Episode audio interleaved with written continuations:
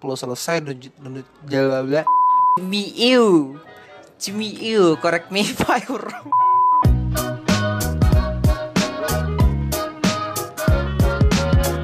Halo teman-teman marching di mana pun kalian semua yang sedang mendengarkan Di sini Firza dan selamat datang di Marching Podcast.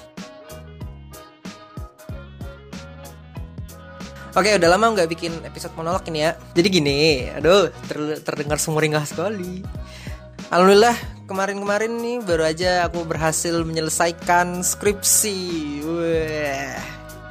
Jadi alhamdulillah Januari kemarin sudah sidang pendadaran dan kemarin Februari tanggal 24 hari Kamis kemarin sudah wisuda online. Dan aku nggak tahu itu wisuda online ngapain kan cuman on cam aja ngeliatin layar ya Allah dan aku akhirnya nonton anime tapi kameranya nyala. Oke, okay, uh, eh, jadi kenapa episode ini uh, dibuka dengan kabar aku udah selesai skripsi? Padahal kan ya itu info yang tidak penting-penting banget. Gini gini. Uh, jadi sebenarnya rencananya pengen bikin episode ini tuh dari proses lagi skripsian gitu. Jadi pas kemarin aku lagi proses skripsi, kan skripsiku ini kan bahasnya tentang marching band juga kan, dan aku cari-cari bahan bacaan atau referensi yang tentang marching band juga. Nah, pas aku lagi nyari referensi-referensi itu tadi kan, keywordnya marching band gitu. Wah ternyata nemu gitu loh.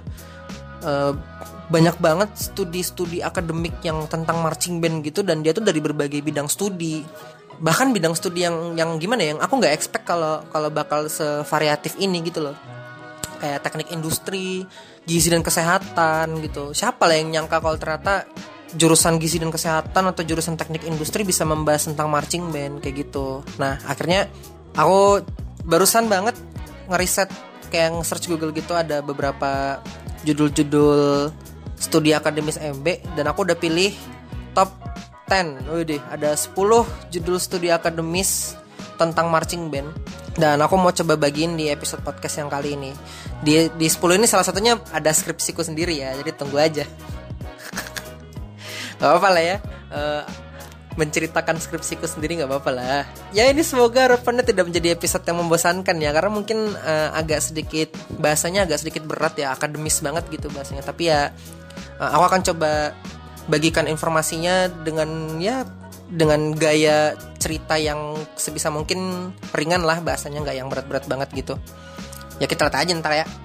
Ini habis aku ngeriset di Google langsung mulai record nih. Jadi jadi ku bacain aja ya. Abstrak abstraknya aja yang ku bacain gitu. Jadi kalau misalnya ada yang salah kata ada yang salah pengertian atau salah interpretasi ya mohon dikoreksi ya. Mungkin bisa di komen di komentar gitu. Mohon cemiu cemiu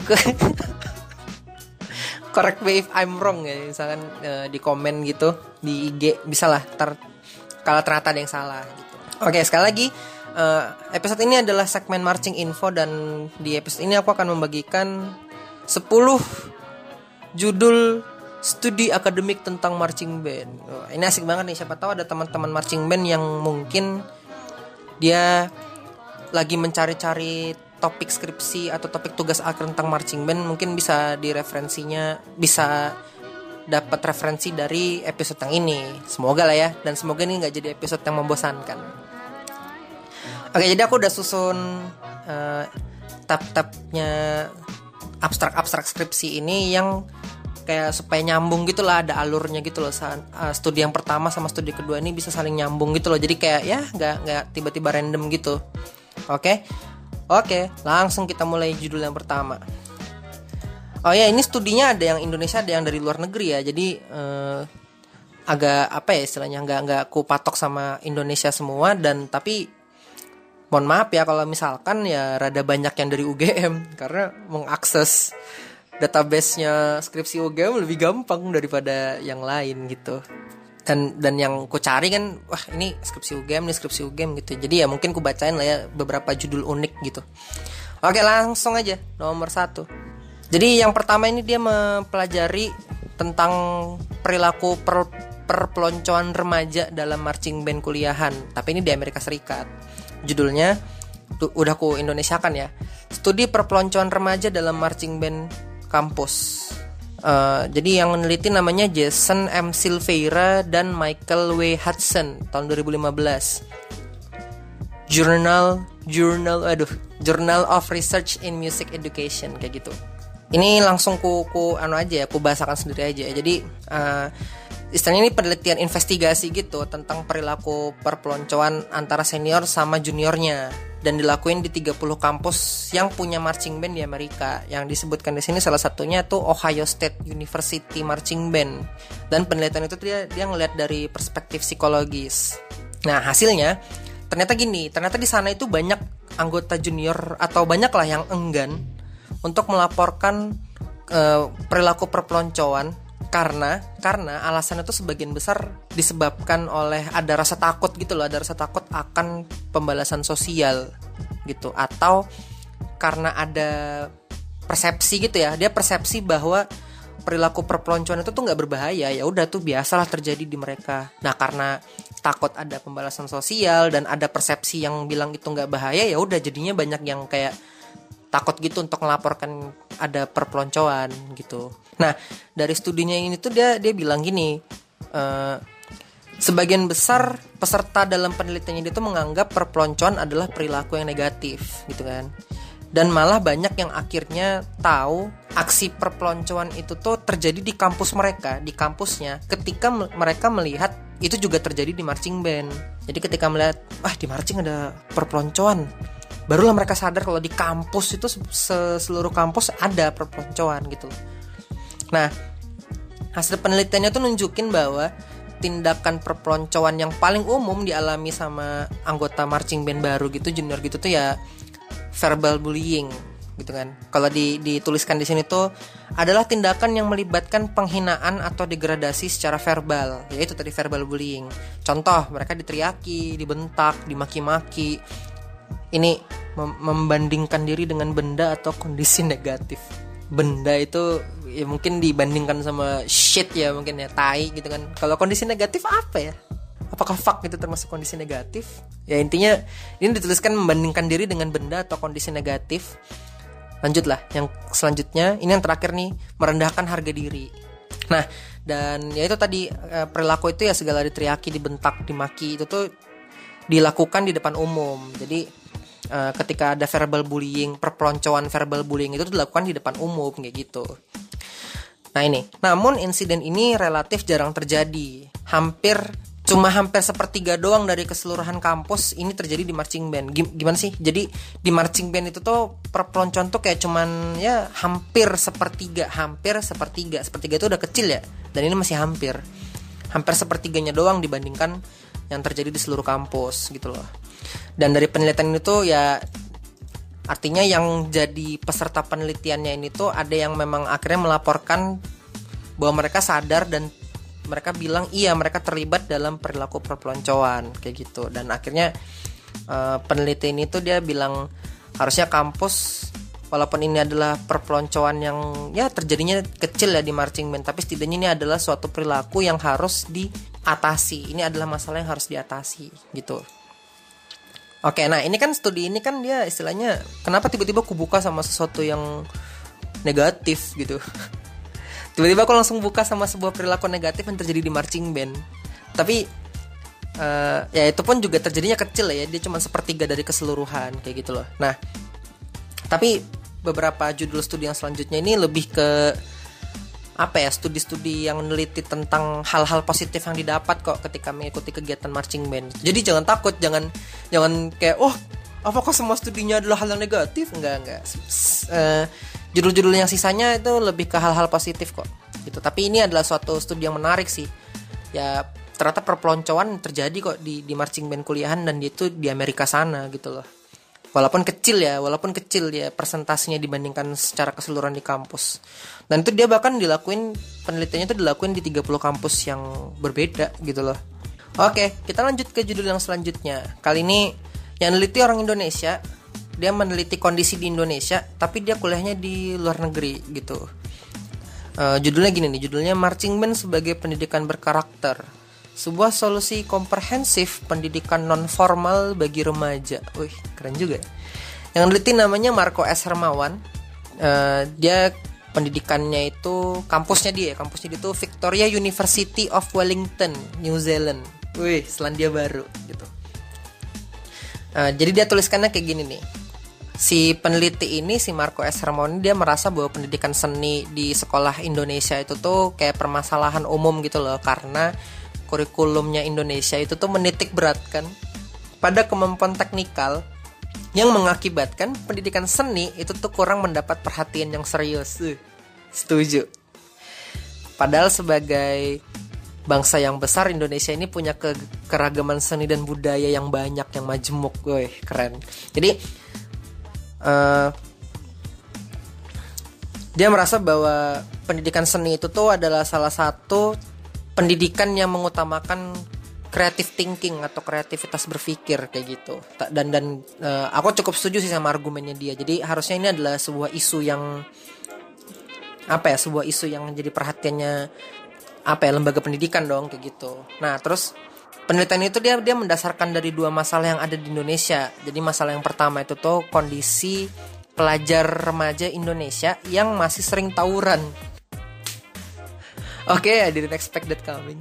Uh, tawuran terjadi karena tidak ada tempat bagi remaja-remaja ini menyalurkan kreativitas mereka di luar sekolah. Nah, jadi si si Marco S Hermawan ini dia nganggap kalau solusi supaya mengatasi tawuran itu yang terjadi di remaja ya itu tuh sebaiknya ada sebuah kegiatan yang bisa menyalurkan energinya remaja yang gede ini gitu loh disalurkan dengan kegiatan positif yang membutuhkan energi yang besar oke okay. Karena memang sebagian remaja itu kan dia dia punya energi yang besar punya emosi yang tinggi gitu kan dan masih membutuhkan apa sih pembentukan identitas diri menurut dia uh, ini tuh adalah sebuah masalah yang terjadi di remaja Indonesia kayak gitu loh. Nah, itu tuh masalah pertama. Masalah yang kedua, kondisi pendidikan seni musik yang dirasa tertinggal. Jadi dia dia tuh ngerasa kalau yang tadi aku bilang itu dia kurikulum di Indonesia itu tuh kayak ya biasanya pelajaran musik tuh cuma sekedar nyanyi gitu kan. Uh, mempelajari lagu-lagu nasional serta apa nih pembelajaran musik secara teoritis. Oke, masuk akal. Tanpa didampingi praktek. Nah, jadi kurikulum sekolah itu tuh kayak mengutamakan teknologi sama industri gitu loh jadi pendidikan seni itu porsinya sedikit kayak gitu nah dari dua dua masalah ini tadi tuh akhirnya dalam penelitian. Dia dia merasa bahwa istilahnya ini kegiatan atau ekstrakurikuler marching band itu tuh bisa menjadi sebuah solusi dari dua masalah itu tadi ya kan? Judulnya kan tadi kan sebuah solusi komprehensif gitu kan judulnya tuh. Jadi Uh, dia ngerasa gini dari penelitiannya. Dia mendapatkan ada tiga fungsi dalam kegiatan marching band yang bisa membentuk dan memperbaiki pendidikan karakter remaja jadi yang pertama ada fungsi disiplin uh, ya intinya disiplinnya kan didapat dari jenis latihan yang ya kegiatannya itu semi militer gitu kan me menekankan berfokus pada satu task atau satu tugas dan berfokus sama satu instruksi kayak gitu Fungsi yang kedua tuh fungsi kesenian. Jadi dengan ikut marching band tuh jadi bisa mempertajam sense of art atau rasa berseni. Dan yang terakhir fungsi sosial. Jadi ikut marching band tuh bisa meningkatkan kemampuan bersosialisasi, interaksi sosial, kerja sama tim dan meningkatkan relasi. Kayak gitu hasil penelitiannya. Jadi intinya tuh dia merasa bahwa marching band tuh menjadi sebuah solusi untuk permasalahan yang terjadi di remaja di Indonesia. Gitu. Oke, lanjut ke judul yang selanjutnya Tadi kan tentang pendidikan karakter, kali ini tentang pendidikan musikal. Judulnya agak panjang, jadi aku bacain pelan-pelan. Judulnya Optimalisasi kecerdasan musikal pada siswa dalam kegiatan ekstrakurikuler drum band. Ini penelitiannya itu ada di uh, Madrasah Ibtidayah atau madrasah tapi yang setingkat SD. Namanya MI Ma'arif NU1 Pasir Kulon Kecamatan Karanglewas Kabupaten Banyumas di Banyumas uh, yang neliti namanya Mbak Viana Suci Asih Mbak ya semoga dia jurusan pendidikan madrasah jadi dia jurusan pendidikan. Institut Agama Islam Negeri Purwokerto tahun 2017 oke uh, jadi di, jadi gini argumennya dia ini adalah dia menganggap bahwa kecerdasan musikal anak itu merupakan salah satu bentuk bis, pengembangan gimana ya salah satu bentuk untuk bisa mengembangkan intelijensi umum pada anak gitu loh. Kalau kita tuh pintar musikal kita juga berarti bisa mengembangkan pintar secara umum kayak gitu dan menurut dia ekskul drum band itu tuh adalah salah satu cara membentuk kecerdasan musikal pada anak di sekolah.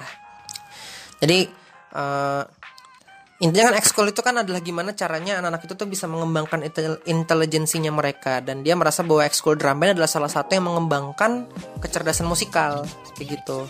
Dari mana? Dari kegiatan drum band yang meliputi nih katanya yang meliputi mengajarkan siswa bermain alat musik mengajarkan siswa untuk menari dan bergerak mengikuti irama bernyanyi bermain not musik membaca not musik terus berlatih eh, ini udah tadi nih memainkan berbagai jenis lagu menanamkan kemampuan untuk membedakan bentuk musik dan mengajarkan kemampuan mengubah bentuk musik. Terakhir kemampuan mengekspresikan bentuk musik gitu. Jadi jadi dengan anak setingkat SD gitu dia ikut drum band dia jadi punya skill-skill musik tadi kayak gitu. Dan dan ini yang bagus sih ada jadi bisa punya kemampuan membedakan bentuk musik kemampuan mengub- mengubah musik, mengekspresikan bentuk musik. Nah, ini tuh akhirnya jadi argumen dia yang mengatakan bahwa ya dengan ada soft skill soft skill musikal gini tuh akhirnya anak bisa mengembangkan intelijensinya dia kayak gitu loh. Dan anak-anak itu kan dia masih tumbuh dan berkembang gitu kan. Tumbuh dan berkembang ya Bunda gitu. Anjing lah. Keren banget. Oke, lanjut. Tadi udah bahas eh, pendidikan karakter, pendidikan musikal, Oke, yang selanjutnya ini tuh dia neliti tentang pola interaksi sosial di MB. Gitu. Jadi ju- judulnya juga mirip kok. Pola interaksi sosial anggota marching band Semen Indonesia. Wih, keren. Yang neliti namanya Rizaldi Dewa Brata, eh, jurusan antropologi, FISIP, Universitas Erlangga, Surabaya berarti ya. Tahun 2015 gitu.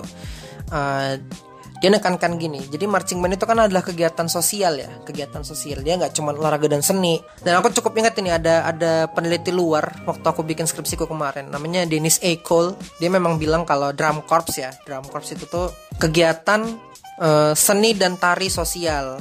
Eh gimana sih? Iya kegiatan seni musik tari dan olahraga sosial kayak gitu loh. Jadi emang emang kegiatan sosial di marching band tuh memang nggak bisa dilepas gitu loh. Nah si Mas Rizaldi ini tuh dia memang berargumen kalau marching band adalah kegiatan sosial, nggak cuma olahraga sama seni. Karena dalam marching band untuk menghasilkan penampilan yang bagus itu tuh kita butuh sebuah interaksi antar anggota yang harmonis kayak gitu. Nah, eh, argumennya dia itu bukan argumen lah, teorinya dia tuh bilang gini. Jadi interaksi sosial itu tuh ada tiga jenis, asosiatif, asosiatif itu tuh interaksi sosial positif gitu kan. Nah, ada kerjasama sama ada akomodasi. Akomodasi itu tuh kayak kita bantu membantu gitu loh. Ada teman punya masalah aku bantuin solusinya itu akomodasi kayak gitu. Jadi asosiatif tuh sosial positif kerjasama sama akomodasi. Yang kedua disosiatif. Nah itu sosial negatif gitu loh. Ah, ada persaingan ada kontravensi. Kontravensi itu kayak kamu benci-bencian dalam hati gitu loh kayak ah pas ini orang ya ini ngeselin banget nih orang. Tuh kontravensi yang ketiga konflik kayak gitu. Itu masuk di sosiatif ya sosial negatif. Nah yang terakhir tuh ada interaksi simbolis atau isyarat gitu. Nah dan intinya dia nemuinnya kayak gini. Yang asosiatif tadi itu yang positif itu terjadinya di sesama anggota junior atau sebaya gitu loh. Jadi kerjasama terus akomodasi bantu membantu itu terjadi sama anggota yang dia sesama junior gitu loh. Nah kalau interaksi disosiatif ini tuh terjadi di antara junior dengan senior maupun vice versa sebaliknya senior dengan junior. Jadi jadi junior sama seniornya benci-benci dalam hati gitu kan. Ah sih kakaknya nih sulit banget gitu kan. Atau enggak kalau persaingan oke lah ya antara junior sama senior si senior nggak mau kalah sama junior dan junior harus bisa lebih jago dari seniornya mungkin ya persaingan gitu kan konflik ya konflik standar lah ya terjadi di marching band. Dan yang terakhir dia nemuin kalau interaksi simbolis itu tuh terjadi di antara pemain sama pelatih. Oke masuk akal. Mungkin mungkin ya mungkin ya misalkan tepukan untuk menarik perhatian pemain atau pelatih ngangkat jari telunjuk untuk nandain. Sekali lagi diulang kayak gitu ya mungkin. Itu kan simbolis ya antara pemain sama pelatih. Terus eh, kata kuncinya ya ini kata kuncinya jenis-jenis interaksi tadi itu tuh cenderung banyak terjadi. Jadi bukan berarti asosiatif tuh hanya dan satu-satunya terjadi antara junior-junior. Disosiatif tuh hanya dan satu-satunya terjadi sama senior enggak. Cuman cenderung lebih banyak aja, cenderung lebih banyak. Artinya enggak enggak semua, tapi ya lebih banyak kayak gitu. Eh, ini cukup keren sih. Jadi dia neliti tentang pola interaksi dan memang benar kan marching band itu pasti kita banyak interaksinya dan ya secara teori ada tiga jenis interaksi dan tiga jenis interaksi tadi ya terjadi gitu loh di marching band ya karena anggotanya marching band kan banyak ya oke kita lanjut judul selanjutnya Oke, ini adalah sebuah judul yang sangat politis sekali. Ini jadi salah satu yang aku jadiin referensi juga buat skripsiku. Ini abstraknya aja nih. Abstraknya ini aja banyak banyak banget lah kata-katanya. Eh, istilahnya panjang lah panjang banget lah abstraknya dan dan ada bahasa-bahasa yang cukup berat juga. Jadi aku akan coba bacain pelan-pelan. Dan kalau ada yang istilah sulit bakal langsung ke Google aja kali ya. Oh, real time aja kita cari tahu nih. Langsung aja lah. Jadi yang selanjutnya ini dan neliti tentang eh, apa ya istilahnya? Fenomena politis yang ada di marching band. Judulnya nih marching band sebagai instrumen pencipta hegemoni Eh, diteliti sama Mas Visabil Mahardika Putra politik dan eh, jurusan politik dan pemerintahan UGM jadi Mas Visabil ini atau di di UGM aku panggilnya Mas Sabil dia juga seniorku di MB UGM gitu. Mas Sabil ini tuh dia jurusan politik dan pemerintahan. Jadi ya memang dia eh, berhasil nemuin topik yang politik dan bisa dilihat dari marching band. Kayak gitu. Jadi intinya gini loh eh, argumennya Mas Sabil ini dia merasa bahwa marching band itu kan adalah sebuah kelompok yang identik dengan kedisiplinan, kompak gitu kan, Eh, bahkan memiliki tujuan yang membentuk sebuah karakter, karakter bangsa gitu kan. Tapi menurut dia ya di balik hal-hal ciri khasnya marching band tadi tuh ada fenomena politis gitu loh yang yang terjadi di marching band gitu apalagi marching band mahasiswa. Soalnya gini, dia merasa bahwa mahasiswa itu kan adalah apa ya, salah satu kelompok masyarakat yang revolusioner atau membawa perubahan. Dan mahasiswa itu harusnya bisa bebas berpendapat. Tapi ketika kita di marching band ya mahasiswa yang bisa bebas berpendapat tadi itu malah berubah menjadi sekelompok orang yang patuh sama seniornya, sama pelatihnya gitu loh. Ketika diinstruksikan atau dikasih hukuman ya kita langsung lakuin gitu kan. Loh padahal kan mahasiswa ini tuh dia bebas berpendapat kritis gitu loh. Kenapa mereka melaksanakan instruksi atau hukuman tanpa ada bantahan yang kritis? Iya kenapa mereka langsung melaksanakan tanpa ada bantahan yang kritis dari pemain? Tuh padahal kan tadi mahasiswa kayak gitu kan katanya menurut dia. Nah itu tuh menurut dia terjadi karena ada fenomena yang disebut hegemoni. Waduh. Oke. Mari kita cari dulu di Google ya hegemoni artinya apa supaya aku nggak salah juga jelasinnya. Sebentar. Hegemoni.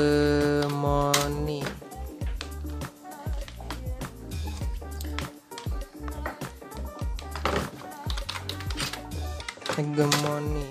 Oke. Eh, aku coba bahasakan ini dengan simpel ya. Hegemoni itu artinya ada kekuasaan yang mengendalikan, kekuasaan yang mengendalikan sehingga eh, menciptakan orang-orang yang mematuhi kekuasaan tersebut kayak gitulah ya intinya kayak gitu Eh, masuk akal kan ya intinya ada sebuah sesuatu yang berkuasa dan yang berkuasa itu jadi mengendalikan masyarakat hegemon itu dia istilah yang lazimnya tuh di di kajian-kajian negara gitu loh. Nah tadi tuh tentang ada instruksi dari pelatih dan pemain jadi patuh begitu aja tuh di marching band disebut eh, termasuk dalam fenomena hege- hegemoni gitu. Kalau kalau di politik itu tuh kayak hegemoni itu menciptakan sebuah kepatuhan. Nah ini ini agak berat juga nih bahasanya ini.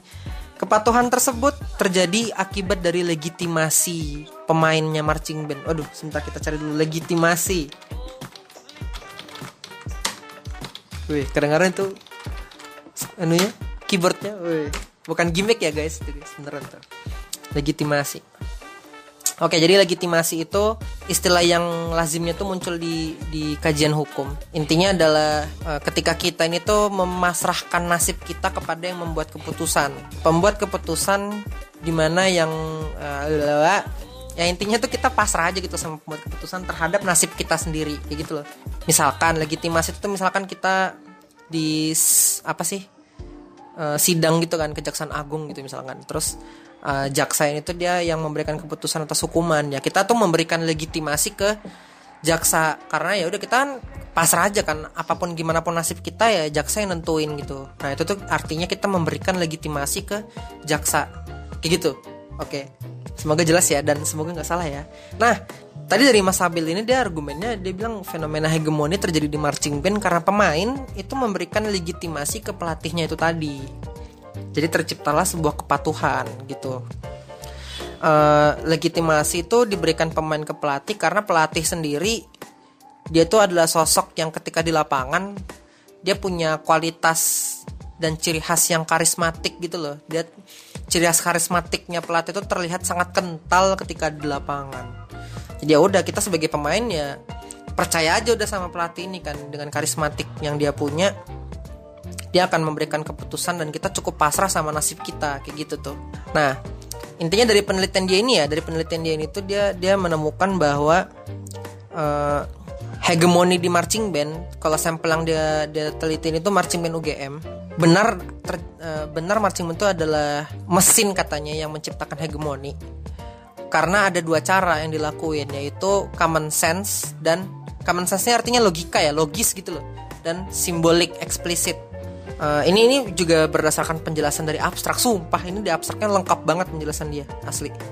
Aku nggak bisa kebayang kalau aku baca artikelnya tebel banget mungkin artikelnya uh, jadi gini common sense atau logis. Jadi misalkan ketika player dijatuhi hukuman misalkan push up maka pelatihnya akan menjelaskan esensi dari push up itu secara logis. Contohnya si pelatih bakal bilang kalau push up itu tuh akan menciptakan tubuh yang kuat. Dan pemain marching band itu kan membutuhkan tubuh yang kuat ya gitu kan. Jadi si pelatih akan bilang ya kalian tuh kuhukum push up karena kalian tuh butuh tubuh yang kuat gitu loh. Dan ya udah pemain akhirnya men me menerima penjelasan logis itu kan secara common sense dan mereka patuh gitu loh. Nggak usah lagi udah bantah secara kritis gitu gitu kan. Nah itu tuh yang pertama terjadi karena common sense ada common sense yang dilakukan. Yang kedua karena ada ex simbolik eksplisit simbolik eksplisit itu tuh dia jelaskan di sini simbolik eksplisitnya sendiri adalah pelatihnya marching band itu sendiri. Karena pelatih itu tuh adalah tokoh orang yang tegas. Dia kan kalau ngasih instruksi tidak terbelit-belit gitu kan sehingga mudah ditangkap maksud yang dia katakan itu apa dan dia itu tidak memberikan gambaran yang kabur nggak nggak ngasih gambaran instruksi yang blur gitu loh tentang instruksinya dia jadi misalkan kayak dia jelasin hornnya diangkat 45 derajat ke atas supaya suaranya nyampe ke penonton dan juri yang ada di tribun. Ya udah semua langsung angkat aja gitu kan. Dan gak yang beras angkat hornnya. Gitu. Gak yang gak yang kayak gitu kan ngomongnya kan. Jelas kan. Ya akhirnya pemain-pemain yang mahasiswa ini tuh langsung ikutin aja tanpa harus ngasih bertukar pikiran secara kritis gitu nggak usah lah. Oh, ya udah angkat aja 45 derajat gitu kan. Mungkin kalau nggak secara simbolik eksplisit gitu kan dia nggak jelas gitu nggak tegas ya pasti bakal banyak yang mempertanyakan sampai akhirnya jadinya nggak patuh gitu loh. Intinya karena pelatih marching band itu dia ngasih instruksi dengan penjelasan yang pakai common sense atau logis dan jelas jadilah terjadi fenomena hegemoni itu tadi. Semua pemain langsung mematuhi gitu aja gitu. Tanpa harus bertanya-tanya tanpa harus uh, bertukar pikiran berdebat kayak gitu. Nggak usah langsung ikutin aja udah patuh. Dan itu fenomena he hegemoni. Nah uh, aku sendiri waktu dulu ada kelas politik gitu waktu kuliah ya cukup ingat bahasan hegemon itu memang biasanya adalah bahasan yang terjadi di di apa ya pemerintahan sebuah negara gitu kan. Nah ini kan juga jurusannya politik dan pemerintahan tapi aku cukup takjub begitu tahu bahwa marching band sendiri dia melakukan praktik hegemoni yang istilahnya ini praktik yang mirip-mirip sama politiknya pemerintahan sebuah negara gitu loh. Kayak wah anjir bahkan marching band pun bisa kayak mini negara gitu kalau dilihat dari perspektif ini gitu. Keren juga lah e, bisa apa ya istilahnya aku jadi nemuin sebuah perspektif yang kayak gini gitu loh. Siapa yang nyangka marching band itu ada praktik politiknya kan? Gitu loh. Sedangkan kita mungkin ya cenderung ya udah uh, main lakuin apa yang disuruh pelatih kita lakuin gitu loh. Tapi ya itu kenapa kita nggak ada yang membantah atau memperdebatkan? Ya bener kalau tadi instruksinya ayo beras sekarang kita kayak gitu ya. Siapa anjir yang mau ngelakuin? Ya pasti malah berdebat lah jadinya kayak gitu. Keren lah ini salah satu penelitian tentang marching band yang uh, apa ya istilahnya ya? Keren out of the box. Asli keren lah nggak cuma pendidikan pendidikan karakter doang atau pendidikan musik gitu. Oke lah daripada ngulur ngidul sama yang ini kan kita lanjutkan. Oke yang selanjutnya dari uh, bidang psikologi ya. Jadi ini tuh dia meneliti tentang hubungan antara mental imagery sama determinasi diri. Nanti kita jelaskan. Nanti aku jelaskan mental imagery itu gimana. Judulnya gini nih judulnya. Peran penggunaan mental imagery terhadap determinasi diri anggota marching band. Yang neliti namanya Mbak Dila Jessica Pontoh tahun 2017 dari psikologi UGM. Uh, jadi gini nih, dia jelasin kalau penelitian ini tuh mau mengetahui perannya penggunaan mental imagery terhadap determinasi diri anggota marching band gitu. Uh, gini deh, daripada membingungkan, ku cari dulu ya, ku cari dulu mental imagery. Uh, ini biasanya begitu nge-search Google gitu yang muncul langsung Wikipedia gitu paling atas guys. Oke mental imagery itu dia gini menjelaskannya tuh gini. Intinya ketika kita membayangkan sebuah penampilan dan dalam bayangan kita tuh penampilan itu tuh berhasil dilakukan sebelum penampilan itu atau aktivitas itu tuh udah kita lakuin beneran gitu loh. Jadi sebelum kita lakuin aktivitas kita bayangkan dulu tuh performa kita dalam aktivitas gitu tuh dan dalam bayangannya berhasil dilakuin kayak gitu. Uh, ada ahli yang bilang kalau image apa mental imagery itu tuh proses yang terjadi ketika sensor-sensor tubuh kita terhadap sebuah pengalaman itu disimpan dan akhirnya dipanggil lagi terus ditampilin dalam pikiran kita supaya uh, kayak oh ini nih yang kemarin berhasil tuh kayak gini jadi aku hari ini harus berhasil kayak kemarin terus diingat-ingat jadi kayak ditampilkan dalam otak gitu loh. Nah itu mental imagery kan dia neliti hubungannya mental imagery terhadap determinasi diri. Determinasi diri itu ini ya cari dulu. Determinasi diri itu aku sempat baca sih pengertian determinasi diri. Intinya itu gini gini. Uh, teori psikologi yang menekankan bahwa lebih penting kebebasan kebebasan individu dalam bertindak sesuai pilihannya. Jadi uh, determinasi diri itu adalah ketika kita mau membuat keputusan atau mau melakukan sesuatu itu sesuai kebebasan yang kita pilih sendiri gitu loh. Dan dan akhirnya menjadi sebuah motivasi yang muncul dalam diri kita sendiri gitu. Ada yang ada yang jelaskan kayak gini. Determinasi diri adalah kemampuan diri dalam mengidentifikasi identifikasi itu mengenal ya mengenal dan mencapai tujuan berdasarkan pengetahuan dan penilaian individu terhadap dirinya sendiri. Oke jadi intinya intinya ketika kita uh, mengenali dan mau mencapai tujuan kita dengan tahu oh diri kita sendiri tuh kayak gini loh. Kemampuanku tuh kayak gini loh. Jadi aku pengen mencapai tujuan kayak gini sesuai diriku sendiri yang kayak gini kayak gitu loh. Determinasi diri itu tuh dia sering dibilang sebagai penyebab utama seseorang itu tuh punya kebebasan untuk membuat keputusan gitu. Dan dan kebebasan untuk menyusun bagaimana caranya dia mengerjakan pekerjaannya dia sendiri kayak gitu Semoga tidak terlalu berbelit-belit ya. Nah, jadi kan gimana mental imagery itu tuh bisa mempengaruhi determinasi diri di marching band kayak gitu loh. Uh, dia tuh nelitinya kayak gini, hipotesisnya dia tuh ya, hipotesisnya dalam penelitian ini tuh ya ya be, berargumen bahwa makin tinggi seseorang atau anggota marching band itu menggunakan mental imagery atau membayangkan penampilannya dia, maka semakin tinggi determinasi diri, semakin tinggi uh, si pemain ini tuh uh, bermain dengan baik kayak gitu loh. Semakin tinggi dia memutuskan untuk melakukan hal-hal yang membentuk permainan yang bagus kayak gitu loh.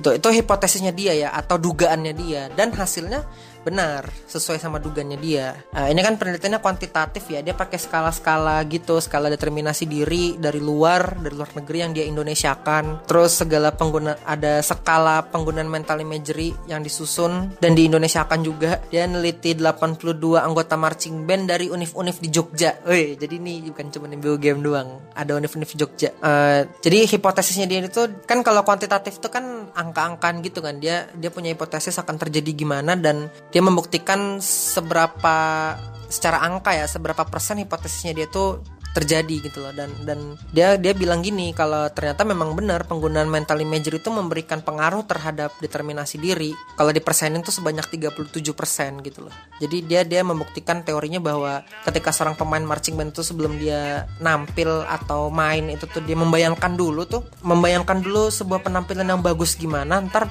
ntar begitu dia nampil beneran jadi beneran bagus kayak gitu loh. Karena ketika kamu determinasi diri pas nampil MB itu tuh kepalamu tuh tentu saja membuat keputusan-keputusan yang memastikan permainannya bagus gitu loh. Kamu tuh nggak perlu mukul yang nggak diperlukan atau niup yang bukan adanya kayak gitu kan. Karena kamu juga udah bayangin permainan yang bagus. Ya intinya penelitian psikologi ini tuh dia dia bilang kalau uh, membayangkan penampilan yang bagus itu bisa mempengaruhi penampilan yang bagus beneran kayak gitu loh. Keren lah tapi karena ini kuantitatif jadi mungkin agak agak susah juga aku mau cari penjelasan teoritisnya kan karena dia lebih ke angka gitu kan. Dan dan e, ternyata nggak bisa diakses anu apa artikel fullnya. Jadi aku bacanya berdasarkan abstraknya aja gitu. Dan dan tapi ini cukup keren sih perspektif psikologi.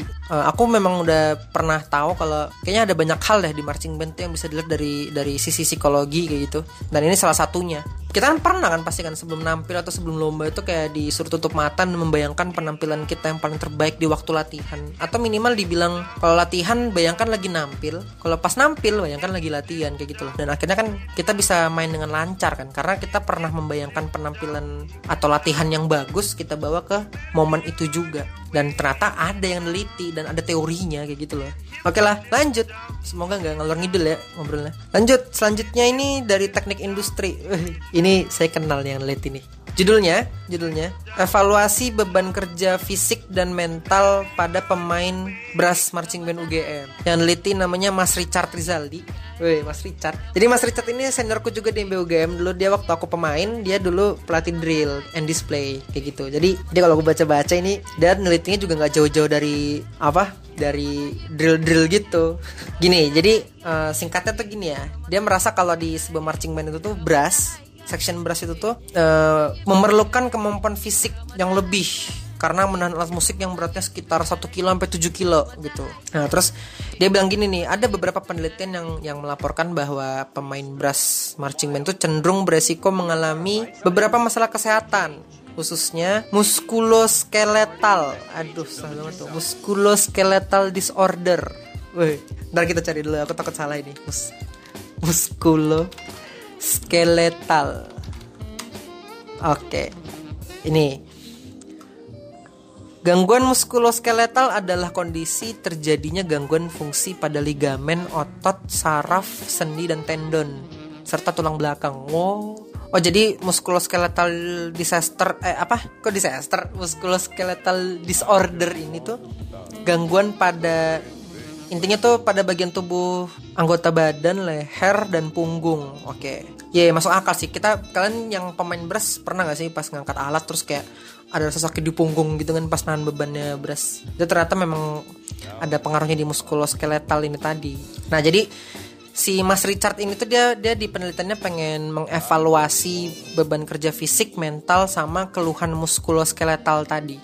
So banget sih muskuloskeletal yang dialami pemain brass MBUGM. Sampelnya itu tuh dia ada 22 pemain brass 7 trompet, 6 melo, 5 bariton sama 4 tuba. Ya intinya semua alat brass ke bagian lah ya, tapi nggak ada euphonium. Dia ngukur denyut jantung, beban kerja mental sama keluhan muskuloskeletal. Dia dia pakai skala-skala gitu nih kuantitatif gitu.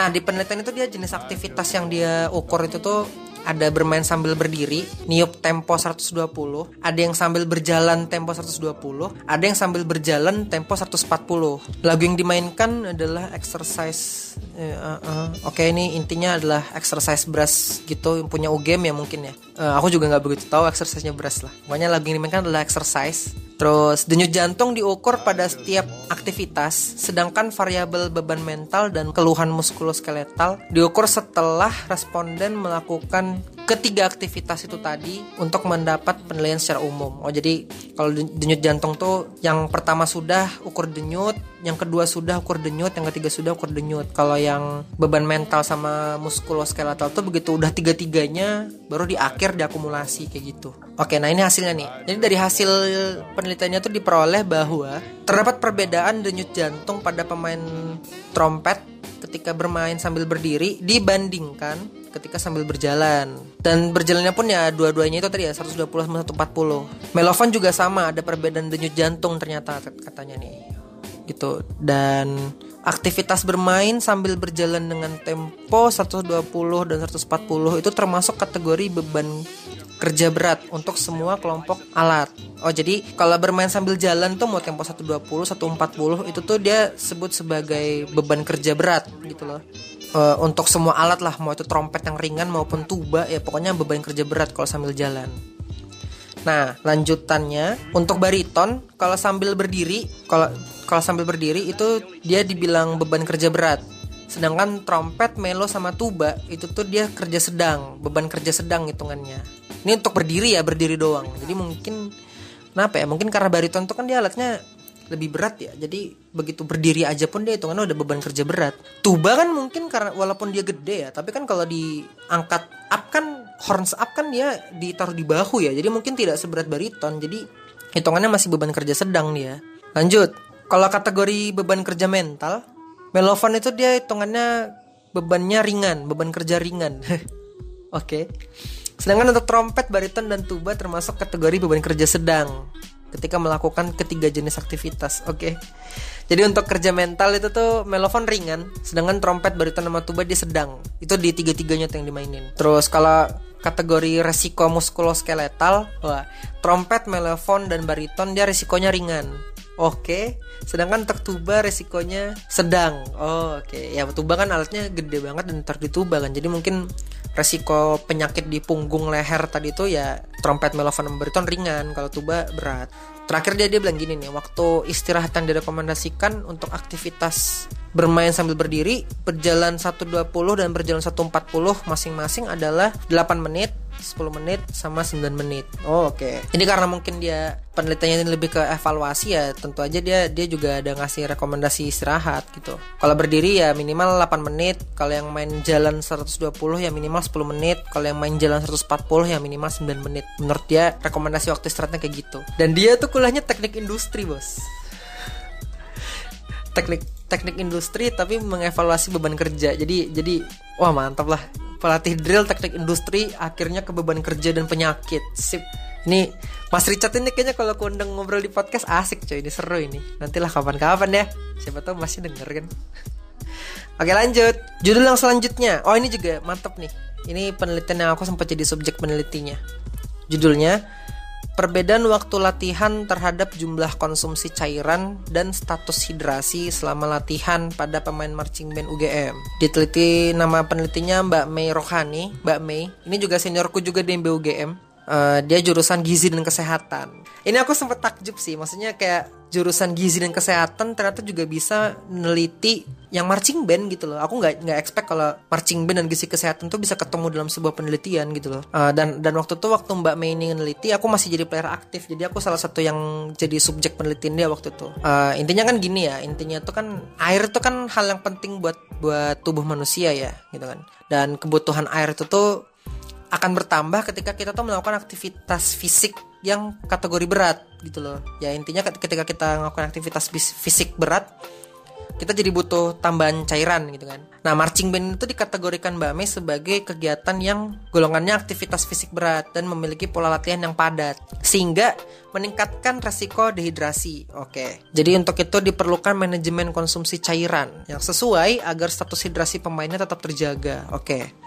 Jadi dia dalam penelitian itu tuh kayak mau cari tahu gitu loh ketika ada perbedaan waktu latihan itu akan berbeda nggak konsumsi cairan kita pemain ini tuh dengan uh, status hidrasi berpengaruh nggak ketika waktunya lebih panjang atau lebih pendek jadi seberapa banyak kita mengkonsumsi air dan jadi gimana status hidrasinya kita kayak gitu.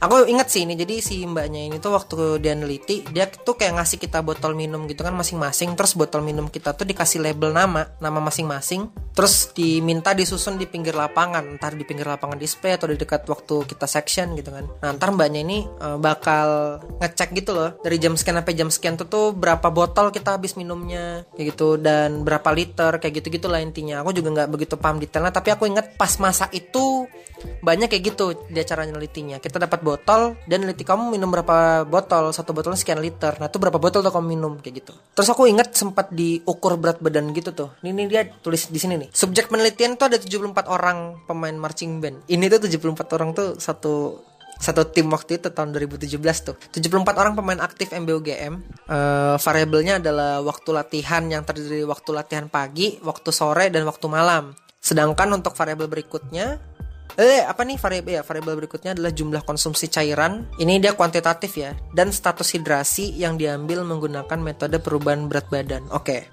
Jadi begitu kita diukur berat badan itu ternyata untuk ngukurin ini status hidrasi gitu. Nah jadi hasilnya gini nih. Dari ketiga waktu latihan uh, ada perbedaan yang muncul. Oh ya perbedaan mengenai jumlah konsumsi cairan yang kita minum airnya itu berbeda terdapat pada waktu yang pagi dengan sore ini kan dia angka ya jadi mungkin kalau kita ngeliat data angkanya lebih jelas lah perbedaannya gimana gitu. Pokoknya waktu pagi dengan sore itu kita minum airnya beda begitu sore ke malam minum airnya juga beda.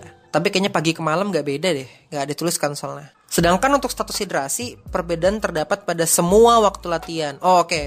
Jadi hidrasi kita ini tercukupi atau enggak itu tuh dia dari pagi sama sore beda, pagi dan malam beda, sore dan malam juga beda. Oke. Okay. Jadi uh, kesimpulannya itu jumlah konsumsi cairan pada malam hari dia rata-rata paling banyak tapi justru nilai hidrasinya yang paling rendah oh, oke okay ini nih aku kayaknya paham deh soalnya gini uh, waktu kita latihan yang dari pagi sampai malam gitu kan mungkin kalau yang pagi nggak begitu yang berat banget kan ya lebih ke seksional sampai sore juga ya kalaupun ada display ya nggak nggak selama waktu malam lah sedangkan waktu malam itu tuh kita dari jam 7 malam sampai jam 10 malam tuh bisa full display kan. Berat lah hitungannya. Lebih lebih intens gitu loh begitu udah malam. Jadi mungkin karena kita lebih intens jadinya jadinya lebih capek dan akhirnya kita lebih banyak minum. Dan karena lebih banyak minum ya otomatis konsumsinya lebih banyak. Mungkin ya mungkin ya. Konsumsi lebih banyak tapi hidrasinya malah lebih rendah. Karena kita minum lebih banyak tapi keluar keringatnya lebih banyak. Mungkin mungkin. Ini ini mungkin. Aku kan ini bukan ekspertisku ya. Nggak nggak seberapa paham juga dengan uh, tentang gizi dan kesehatan cairan gitu. Tapi mungkin sih kayak gitu ya karena di MBO game model latihannya seperti itu kayak gitu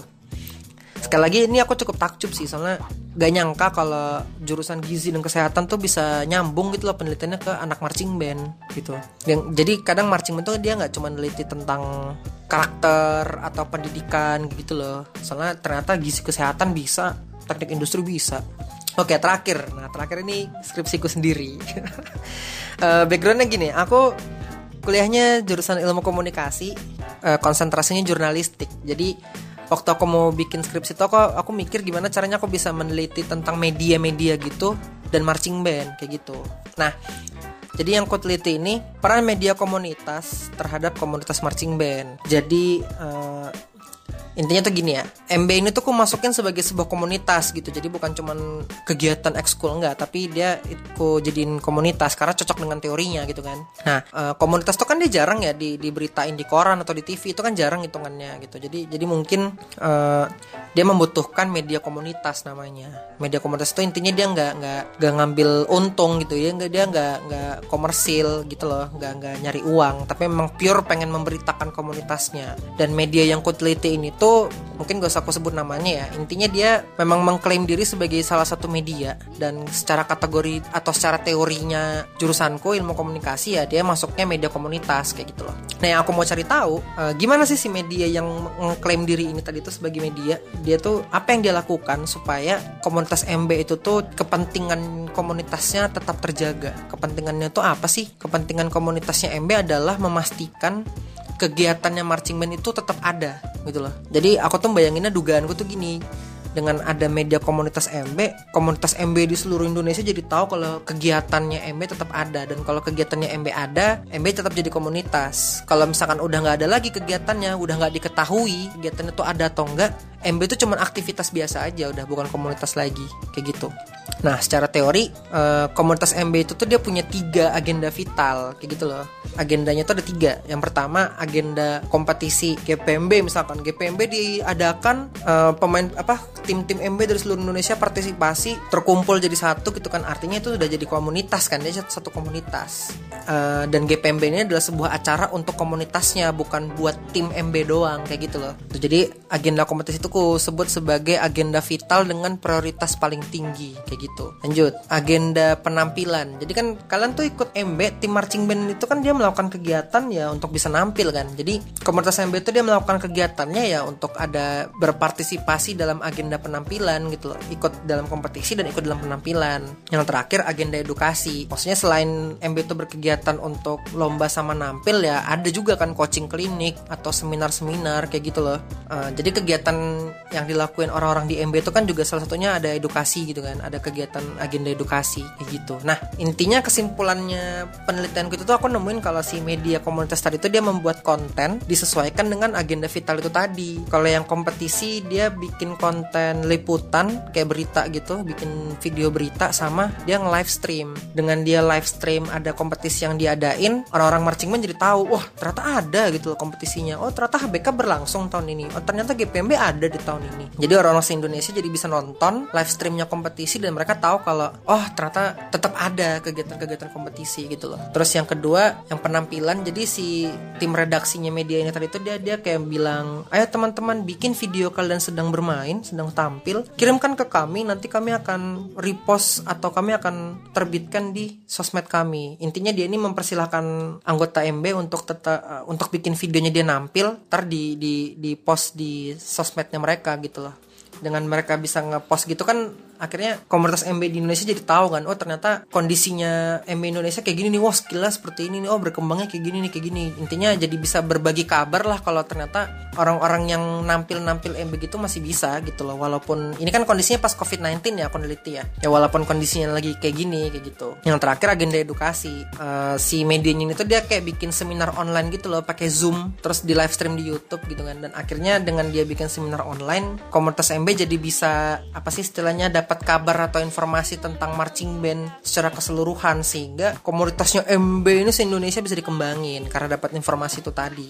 Dan ak akhirnya agenda edukasi bisa dipindah secara virtual gitu kan. Jadi nggak perlu di satu tempat tertentu tapi bisa di, dipindah ke Zoom kayak gitu. Ya intinya dengan si media ini tuh bikin konten sesuai dengan agenda-agenda ya komunitas komunitasnya MB jadi tahu kalau agendanya ada. Kegiatannya memang ada tetap ada gitu loh nggak menghilang kegiatannya ini. Dan kalau kegiatannya nggak menghilang komunitas tetap ada. Karena kan komunitas itu sekumpulan orang dengan tujuan yang sama kan. Kalau misalkan kegiatannya udah nggak ada lagi mereka nggak tahu ada atau enggak agenda-agenda itu ya MB cuma bisa dibilang aktivitas gitu. Dan apa ya aku adalah salah satu orang yang memang pribadi sangat tertarik sekali pengen memediakan marching band gitu loh. Makanya aku bikin podcast dan aku tuh neliti tentang medianya marching band gitu loh. Karena memang marching band itu kurang diekspos sama media kayak gitu loh. Jadi kayaknya begitu ada yang ngemediain aku pengen tahu gimana sih caranya dia memediakan dan akhirnya aku kaji ke sana kayak gitu loh. Uh, salah satu topik yang aku juga kayak oh bisa nih marching band di ilmu komunikasi nih bisa ternyata gitu loh. Kan jurnalistik ya. Siapa yang bisa menghubungkan MB dengan jurnalis kan ternyata ya, kan kayaknya gak gampang ya ternyata bisa gitu. Itulah itu, itu, yang terakhir skripsiku sendiri tadi ya. Oke tadi udah aku bacain tuh judul-judul top 10-nya judul-judul studi akademik tentang marching band. Dan dan gini aku pas kemarin lagi ngerjain skripsi dan pas riset ini pun lagi-lagi aku bilang ya aku takjub karena ternyata marching band itu bisa bisa fleksibel banget gitu loh. Topik tentang MB itu tuh bisa sangat fleksibel bisa dibahas dari perspektif mana pun. Bisa dari kesehatan bisa dari psikologis dari pendidikan dari musik dan seni politik. Bahkan ya media kayak jurnalistik gitu pun bisa gitu loh sangat bisa gitu Uh, mungkin ada beberapa judul skripsi MB yang belum ku bacain di sini karena mungkin aku cuma milihin beberapa biar nggak kebanyakan dan kayaknya ini pun juga udah kebanyakan sih. Tapi intinya uh, episode ini tuh aku sih harapannya dari informasi yang ada di episode ini tuh mungkin bisa bantu teman-teman yang ya mungkin mahasiswa dan sedang atau bentar lagi akan mencari topik skripsi dan lagi pengen bahas MB. Ya semoga dapat inspirasi dan dapat referensi dari episode ini gitu loh. Uh, mohon maaf kalau episodenya mungkin rada boring atau kayak ya kurang asik lah kayak kayak aku ngoceh-ngoceh sendiri. Karena mungkin agak susah ya karena kan aku banyak ngebaca ya ini banyak ngebacain gitu. Dan ini kayaknya kelamaan deh. Tapi nggak apa-apa lah intinya aku terlepas dari episode ini akan ramai didengarkan atau tidak. Yang penting aku coba udah bagi informasi ini dan ini adalah sesuatu yang udah di kepala aku cukup lama. Jadi lah aku pengen keluarin aja lah dari kepala aku gitu. Ini tuh informasi yang sangat asik untuk dibagiin. Walaupun mungkin bakal ngebosenin kayak gitu. Nggak apa-apa deh. Sekali lagi ini pure untuk membagikan informasi. Dan kalau misalkan ada ada salah kata salah baca salah penjelasan salah persepsi pokoknya ada yang salah lah ya dari dari apa yang kujelaskan di sini tolong dikoreksi ya bisa bisa banget tuh koreksinya di komen aja di postingan nanti di IG Wih, tentu saja kalian harus follow dong Instagram kita. Uh, di follow sosmed-sosmednya Marching Podcast ID di Instagram at marchingpodcast.id di Twitter at Podcast. Halus kan? Cara aku mempromosikan. Uh, tapi intinya kalau ada yang salah tadi tolong dikoreksi ya. Correct me if I'm wrong. Cemiu, cemiu ya gitu. Oke. Okay. Saatnya aku tutup episode ini. Uh, terima kasih seperti biasa. Terima kasih untuk teman-teman yang sudah mendengarkan. Terus jangan lupa dengerin episode-episode kita yang lainnya. Untuk segmen marching info ini tuh pure ini untuk membagikan informasi aja untuk teman-teman. Semoga ini menjadi informasi yang bermanfaat, bisa memberikan inspirasi dan memberikan referensi kayak gitu. Dan uh, itu aja deh. Jadi terima kasih dan sampai jumpa di episode yang selanjutnya.